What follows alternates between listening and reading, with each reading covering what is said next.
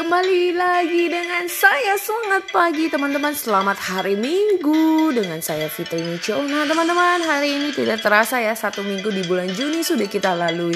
Teman-teman apa sih yang biasa kita lakukan kalau di saat weekend seperti ini? Pasti saya percaya banyak kegiatan-kegiatan yang kita lakukan. Nah teman-teman hari ini bahas yang namanya tentang uh, public speaking ya pengembangan diri Mungkin sebagai orang tua pernah yang sering bahkan saat ini juga sedang bergumul bagaimana mereka struggle mencari solusi untuk menghadapi anak-anak mereka yang masih kurang confidence. Apalagi di saat-saat kondisi pandemik seperti ini. Anak mulai udah daling seperti ini hampir satu tahun nggak bertatap muka dengan orang.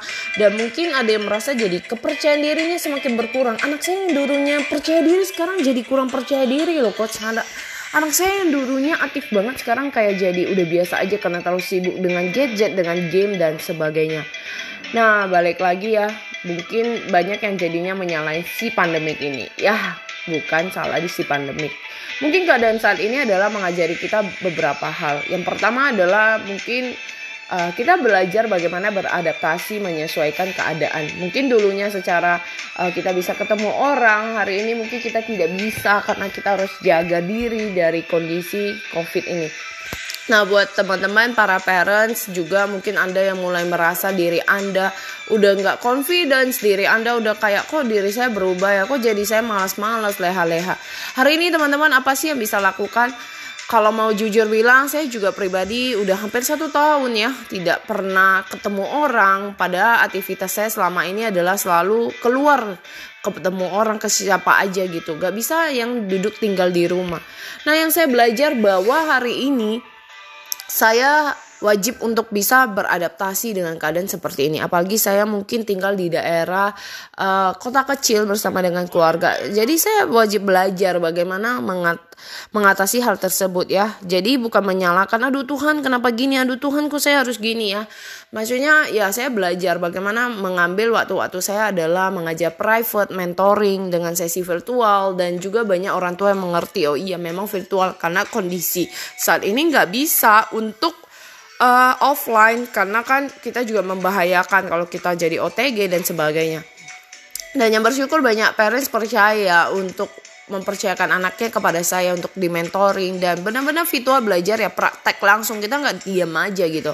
Nah kemudian yang keduanya adalah kita juga belajar gitu loh. Belajar bagaimana di saat pandemi ini beradaptasi yaitu mulailah cari komunitas positif komitmen kepada diri kita. Bukan karena oh mama suruh kalau orang tua suruh jadi saya lakukan.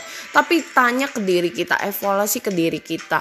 Kalau kita mau berhasil kita mau sukses masa sih orang yang kerja di rumah aja aja bisa gitu ya. Bukan membandingkan diri kita dengan orang lain tapi melihat ke diri kita bahwa kita sama-sama sebagai manusia bahwa kita juga punya kelebihannya Nah, yang dimaksud adalah beradaptasi menyesuaikan diri adalah cari komunitas positif. Secara virtual percayalah banyak komunitas-komunitas yang diadakan virtual yang membuat kita belajar gitu loh. Belajar menjadi orang yang lebih positif, yang bisa berkreasi, yang punya ide-ide gitu. Jadi teman-teman hari ini tidak menjadi penghalang buat kita hal online virtual ini adalah mengajari kita biarlah suatu hari di saat pandemik sudah berakhir kita siap.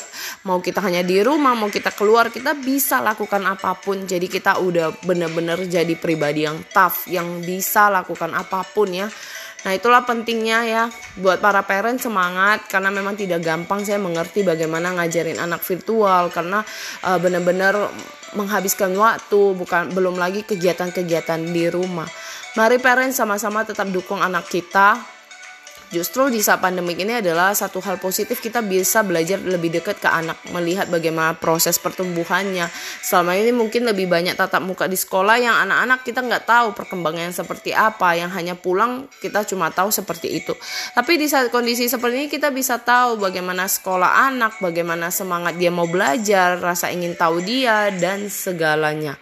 Jadi buat para parents ayo sama-sama berjuang di saat pandemik ini. Kami sebagai pengajar, sebagai coach juga mengalami tantangan. Namun saya percaya bahwa tantangan inilah membuat kita jadi lebih kreatif, berpikir lagi apa yang bisa kita lakukan. Biarlah kita boleh terus menjadi pribadi yang berjuang, menginspirasi, dan juga bisa berdampak buat orang-orang di sekitar kita. Semangat buat Anda semua. Lakukan yang terbaik. Ingat, teruslah belajar untuk bisa berpikiran positif, menyesuaikan diri Anda, dan mencari komunitas positif di saat pandemi seperti ini.